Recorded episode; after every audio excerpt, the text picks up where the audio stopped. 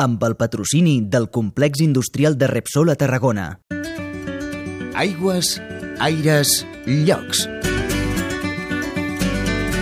Al nostre espai dedicat al medi ambient d'avui parlarem de tècniques per donar una segona oportunitat al material que arriba a les deixalleries. Per acabar sabrem què ha detectat el projecte Silmar, que intenta preservar el medi marí.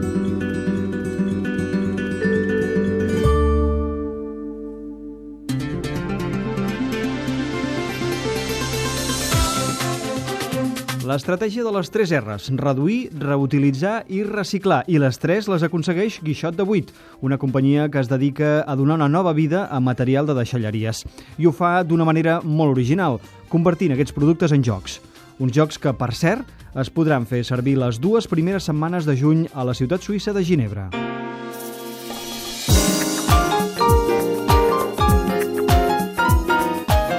La història fa 23 anys que dura. Joan Rovira, creador dels jocs de Guixot de 8. Són jocs que hi ha una, una habilitat a fer, que no et surt a la primera, però que no són impossibles, que engresquen a tothom, al nen, al pare, l'avi. Són jocs que són la física senzilla, la poesia de la física, que no ens han sabut explicar a l'escola. I el que jo pretenc, en certa manera, és que la imaginació no es perdi i el balanç és prou espectacular. S'han reciclat 30 tones de ferralla i s'han fet 450 jocs. Però com es crea un joc? Hi ha dos mecanismes. Un, que tens una idea i busques els materials que et permetin portar aquella idea a terme, i l'altre, que és un diàleg amb el material.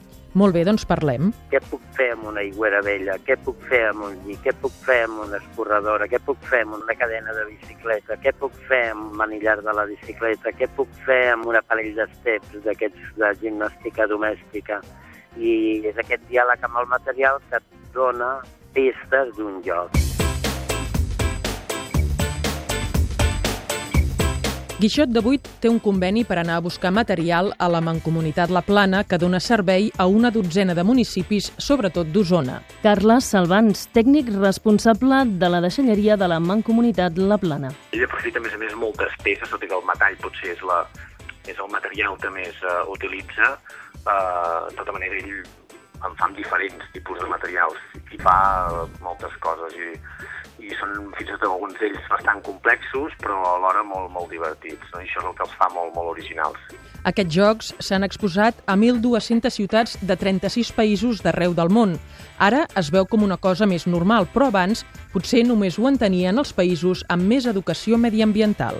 Utopia del nord, del nord sí que són més nets, més pulcres, com, de, pulcres, com dèiem Pere Quart, i ara, doncs, sortosament, el reciclatge i el respecte pel medi ha arribat a tot arreu. No? Nosaltres, després de 23 anys, notem que allò que fèiem com una raresa, doncs ara és una cosa molt més corrent i que desvella més sensibilitats, és agradable. Les veus dels llocs.